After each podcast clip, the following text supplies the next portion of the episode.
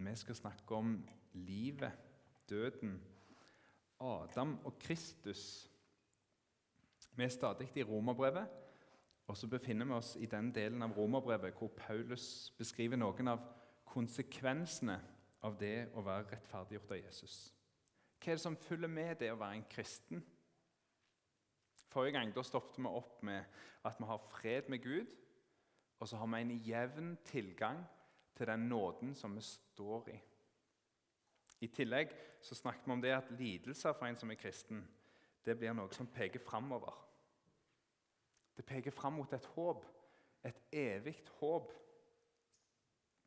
Og så snakket vi om at vi som kristne vi har et håp om at en dag så skal vi få del i Guds herligdom. Det er et ganske stort håp. En dag så skal vi begynne å likne Han. Vi skal bli lik Han, og så skal vi fryde oss i lyset og livet fra Han. Og så er det sånn at I dag så skal vi snakke om noe som er mye mindre åndelig. hvis det går an å si det sånn. Vi skal snakke om en av de mest konkrete konsekvensene av det å være en kristen. Vi skal snakke om at i trua på Jesus så har vi liv. Et evig liv. Og Det er et veldig passende tema å ha nå etter påske, etter at vi har feirt oppstandelsen. Når Paulus skal forklare dette, at vi har et liv, da bruker han disse begrepene her. Adam, synd og død. Og Jesus Kristus, nåde og liv. Når Paulus bruker disse begrepene, så er det for å vise oss likheten og kontrasten mellom Adam, det første mennesket, og Kristus, den andre Adam. Og Samtidig som han snakker om disse tingene, så bruker Paulus anledningen til å si noe om sammenhengen mellom Guds lov og synda. I dag skal vi begynne i den litt destruktive enden. Vi skal snakke om Adams synd og død. Så skal vi ta en lengre parentes om relasjonen mellom loven og synda, og hvordan det henger sammen. Og til slutt så skal vi se på Jesus i lag. Vi skal begynne med å lese teksten, og så skal vi be i lag. Derfor, liksom synda kom inn i verden ved ett menneske, og døden sammen med synda, slik nådde døden alle mennesker, fordi de alle synda. Også før lova var det synd i verden, og enda synda ikke blir regna som synd der det ikke er noe lov, rådde likevel døden fra Adam til Moses. Også over de som ikke hadde gjort noe lovbrudd, slik som Adam. Adam står her som bildet på han som skulle komme. Men det er annerledes med nåden enn med fallet. Av fallet til den ene måtte de mange dø. Men Guds nådegave er så uendelig mye større. Hun blir gjeven i rikt mål til de mange av nåden fra det ene mennesket, Jesus Kristus. Og det er annerledes med gåva enn med synda som den ene gjorde. For dommen over ett, for dommen over ett menneske førte til fordømming, men nådegåva førte til frikjenning enda det var mange som hadde fallet. Døden fikk herredømme fordi ett eneste menneske fall. Hvor mye mer skal da ikke de som tar imot Guds store nåde og rettferdsgave, eie livet og få herredømme ved den ene Jesus Kristus? Derfor.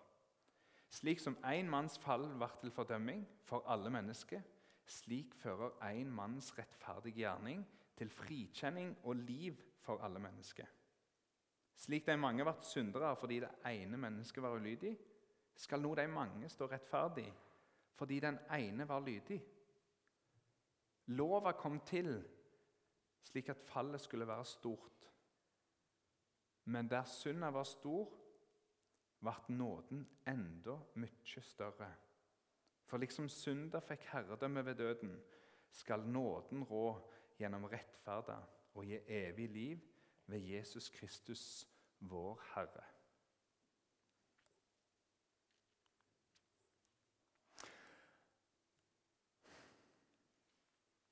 Far, vil du lære oss å sette pris på at du har vunnet livet for oss?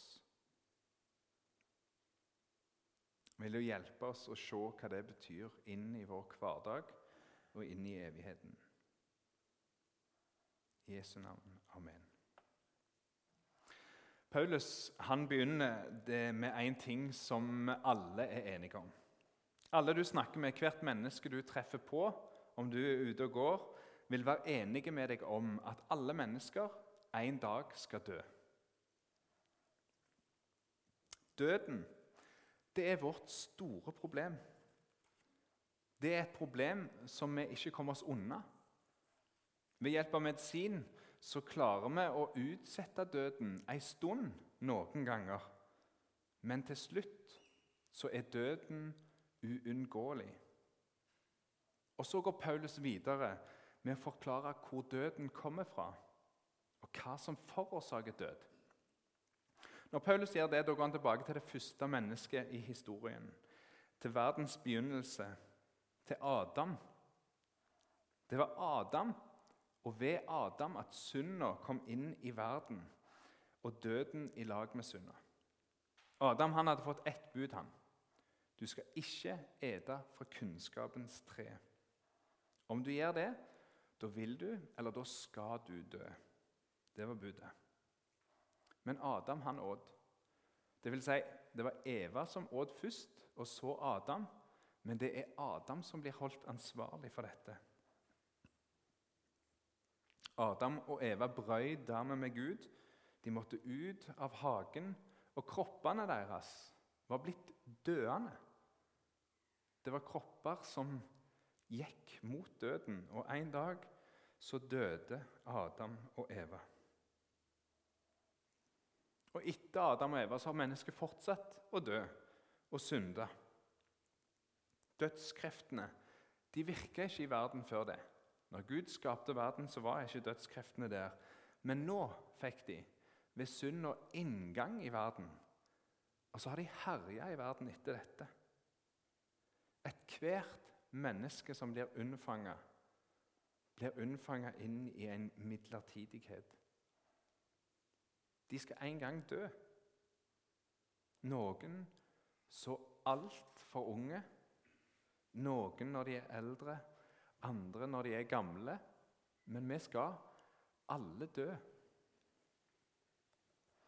Og så hadde jeg lyst til å si det at døden, døden er reell. Døden, den er konkret.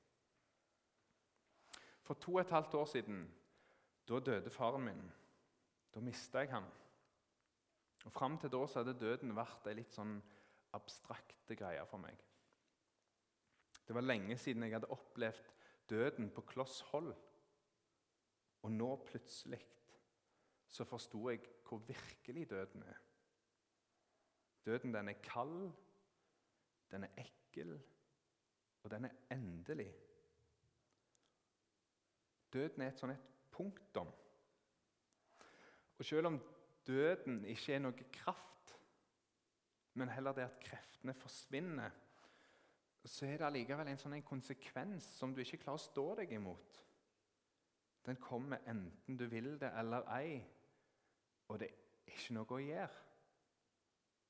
Du som har stått med ei grav eller med et dødt menneske, du vet hva jeg snakker om. Og Så forklarer Paulus oss at dette er konkrete, reelle, kalde, ekle og endelige. Det er en konsekvens av synd og av syndekreftene i denne verden. Død og synd hører nøye sammen. Det ene følger det andre, og det forklarer Paulus oss nærmere. Når vi kristne skal prøve å enkelt forklare hva synd er for noe, da sier vi at synd det er brudd på Guds bud.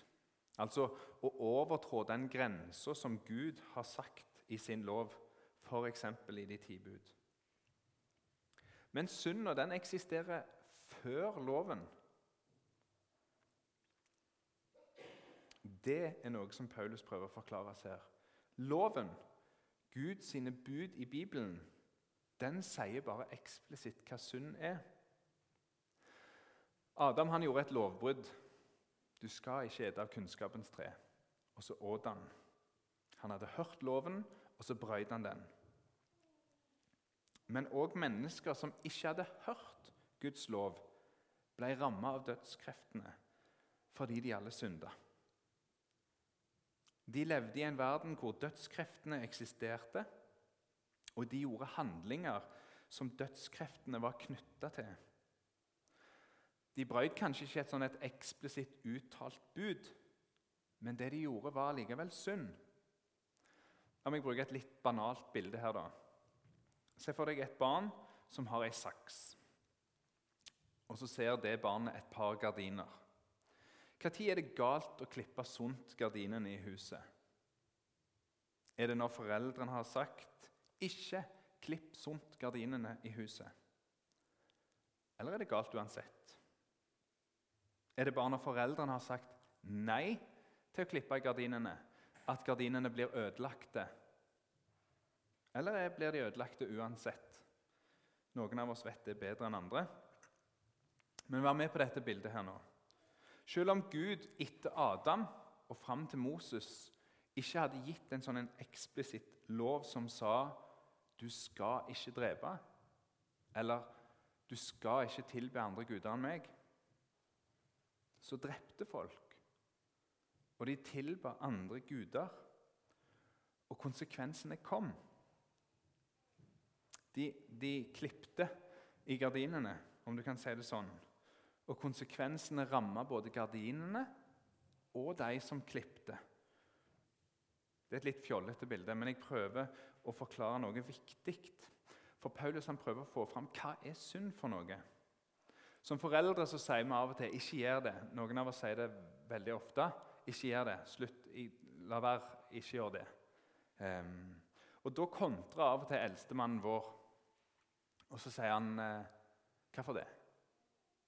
Og Av og til så er den kontringen litt trasig. For hvis jeg skal svare helt ærlig, da, så er det eh, fordi det irriterer meg. Eller eh, jeg, jeg syns det var litt plagsomt. Eller i verste fall fordi jeg har bare et behov for å regulere deg. Sånn er det ikke med Gud. Når Gud sier 'ikke gjør det', ikke gjør det, eller 'du skal gjøre dette', da er det ikke fordi han har et behov for å regulere deg. Det er ikke fordi han blir irritert når du holder på med det, at det irriterer han, at det er plagsomt. Nei, han sier det fordi synd det er dødskrefter som rammer deg og din neste. Alt Gud forbyr, det forbyr han fordi det skader deg og din neste. Og når du gjør det, så er du med å videreføre denne dødelige gifta som bor i oss alle etter Adam. Når du synder, så er du med og fører det videre. Det er fordi Gud elsker deg at han sier 'ikke gjør dette' eller 'gjør dette'. På samme måte så døden er reell og konkret, så er synda det. Loven det er ikke bare Guds meninger om hva du ikke skal gjøre. Loven setter ord på og skal beskytte deg og din neste mot de forferdelige konsekvensene som synd får for mennesker. Når Gud sier 'ikke baktal', så er det fordi det er noe forferdelig du slipper løs når du baksnakker et annet menneske. Når Gud sier 'ikke lyg', så er det fordi løgnen vikler deg bare mer og mer og mer inn i dødskreftene. Når Gud sier 'elsk dine fiender' så er det fordi det er bare på den måten du kan bryte denne vonde spiralen som vi mennesker setter oss i når vi er i fiendskap. Synda eksisterer altså før loven. Guds lov er derfor å beskytte deg og din neste mot det som er knytta til dødskreftene. Og Konsekvensen av synd det er at døden får mer og mer makt. Her i teksten så står det at døden rådde Den herska, og den hersker. Når Adam brøt Guds bud, så åpna han ei kilde. Han satte mennesket på et spor i nedoverbakke, og vi renner av gårde av at ene mennesket synda, og vår evne til å gå i akkurat det samme sporet. Det er et ganske dystert bilde av menneskeslekta som blir tegnet. En menneskeslekt som følger i Adams fotspor. Og så trenger vi hjelp. Vi er fanga under dødskreftene, og vi trenger å reddes. Og da kommer Gud med en ny Adam. En som åpner en annen kilde. En som kommer med liv istedenfor død.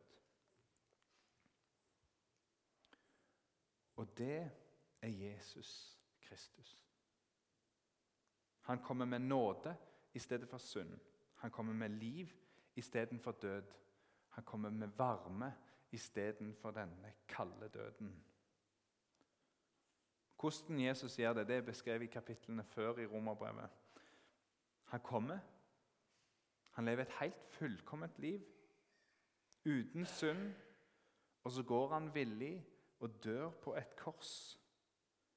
Og der på korset så soner han all verdens synd og skyld.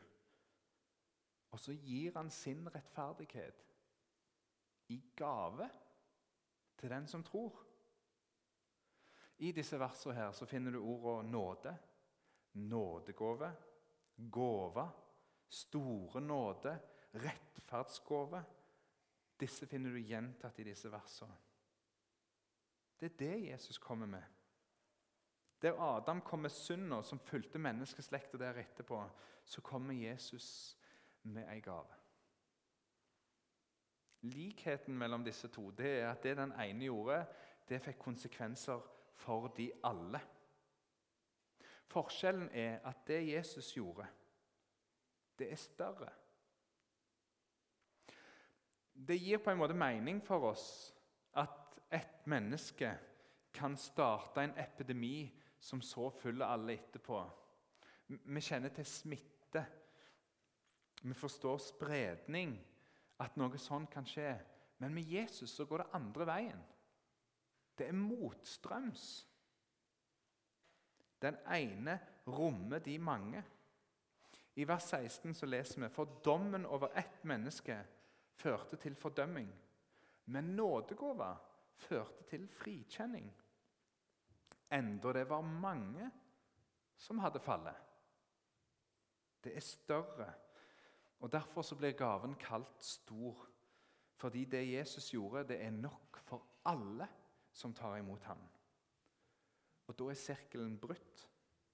Jesus han kommer inn som en ny representant for oss. Og så redder han alle de som tror på han.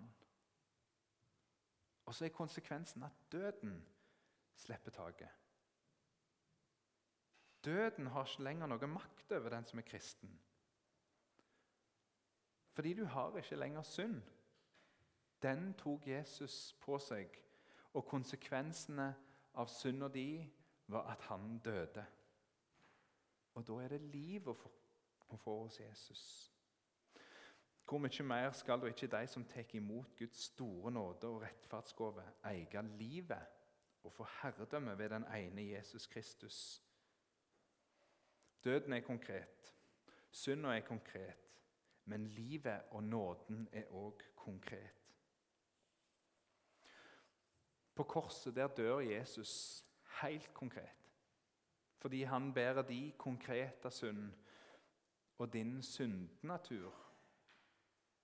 Når Jesus ble tatt ned fra korset, så var han død. Han var ekkel. Han var kald.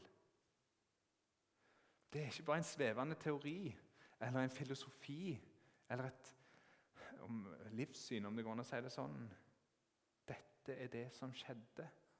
Dommen over synda kom så veldig konkret over Jesus.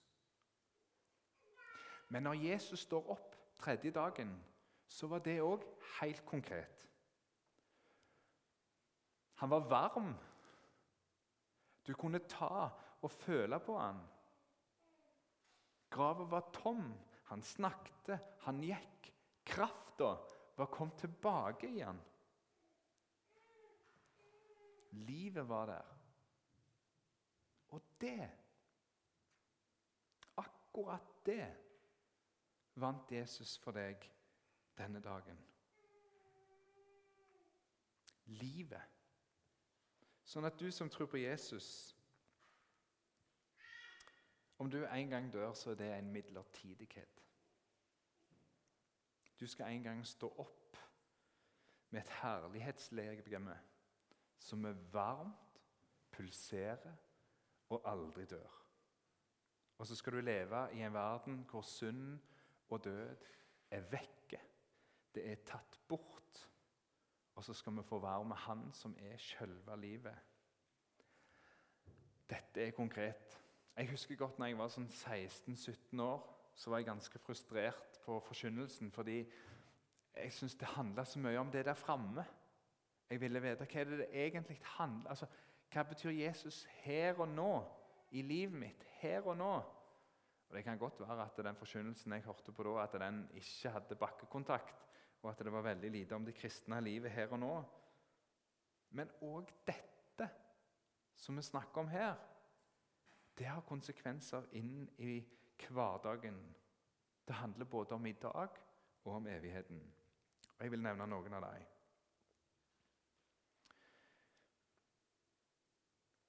Det at du som tror på Jesus, har evig liv, det betyr at du ikke lenger trenger å frykte døden. Om så denne frykten sitter i ryggmargen din, så trenger du ikke å frykte døden. Du trenger ikke være redd. Der du sitter i dag, så trenger du ikke frykte om du er syk eller om du er frisk. Om du er ung eller om du er gammel, så trenger du ikke være redd for døden. Døden er ikke farlig. Tenk å forholde seg sånn til det problemet verden ikke klarer å finne ut av. Det verden ikke klarer å løse. Det er noe som kan gi en hvilepuls inn i hverdagen. det. Jeg trenger ikke være redd for å dø. Det andre jeg vil si du er elska. Du som sitter her. Du er elska.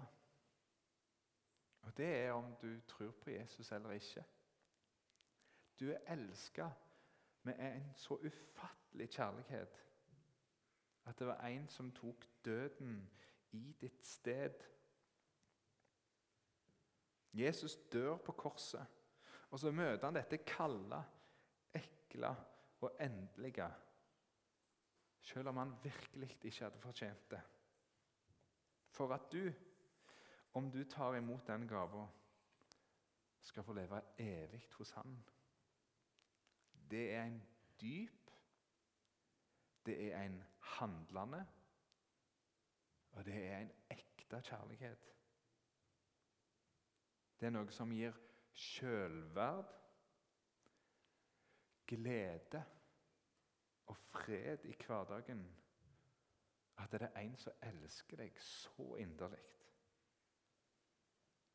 Det tredje Naboen din er elska. Broren din er elska. Barna dine er elska. Kollegaen din er elska. Foreldrene dine er elska. Ektefellen din er elska. Og de kan slippe å frykte døden om de kjenner Jesus. Og om ikke, så blir døden det som fastsetter at de skal leve vekk fra Gud. Vekk fra alt det gode han gir og der det bare er vondt igjen. Dødskreftene. Dette er konkrete konsekvenser inn i livet ditt. helt konkrete konsekvenser. Vi skal ta med oss de siste versene til slutt. Og Her kommer faktisk Paulus med en til viktig kommentar om loven. I tillegg til å kort oppsummere det avsnittet vi har hatt foran oss. Derfor, slik som én manns fall ble til fordømming for alle mennesker, slik fører én manns rettferdige gjerning til frikjenning og liv for alle mennesker. Slik de mange ble syndere fordi det ene mennesket var ulydig, skal nå de mange stå rettferdige fordi den ene var lydig. Sirkelen er brutt. Og så står alt på Jesus. Han gir oss frikjenning, liv og rettferdighet istedenfor synd, fordømming og død. Og så står det Lova kom til så fallet skulle bli stort. Hva betyr det? Jeg skal prøve å si det kort. Dette kan oversettes med at lova kom til så fallet skulle bli større eller fullstendig eller mer. Og Her må du henge litt med. Om loven ikke var der, hvis loven ikke eksisterte, alle du skal og du skal ikke, da ville du bare erfart dødskreftene. Du ville ikke forstått at det, det var noe godt som ble brutt. Og du ville ikke forstått at de kom fra deg. At du òg var en av de som videreførte disse kreftene. Du ville erfart løgnen og smerten knytta til løgn, forvirringa som følger. Hva er det jeg har gjort nå? Uten at du hadde forstått at du var skyldig. Du ville få erfart hvordan det var når du har stjålet noe. Og så ville du til slutt dødd av dette. Døden var konsekvensen av dette. Men du hadde ikke forstått at det var de skyld. Du hadde sikkert, Jeg hadde i alle fall blitt bitter og gått rundt og hata denne verden fordi det var så mye vondt. Det var så mye ekkelt. Det var så mye smerte. Men så kommer Gud og sier du skal ikke. Og så viser han deg at eh, du er faktisk en del av problemet. Du synder. Du driver døden videre. Å erfare det, å se det, at jeg er en del av problemet, det er noe som gjør synd og stor og faller stort. Du skjønner at du har skyld. Men der du har forstått det, når du har forstått det, der er nåden større enn ditt fall. Mye større. Gud, han vet alt dette. Men når du òg vet det, så har du en plass å gå med de skyld. Du kan gå til han som sier Jeg vil gi deg en trette hvile. Jeg er kommet for å lege deg som er syke. Du kan komme til Han som bærer verdens synd for at du skal gå fri. Lova hadde til hensikt at du skulle forstå at oi, det var virkelig galt, det jeg gjorde. Og at du ikke bare skulle sitte igjen og erfare dødskreftene.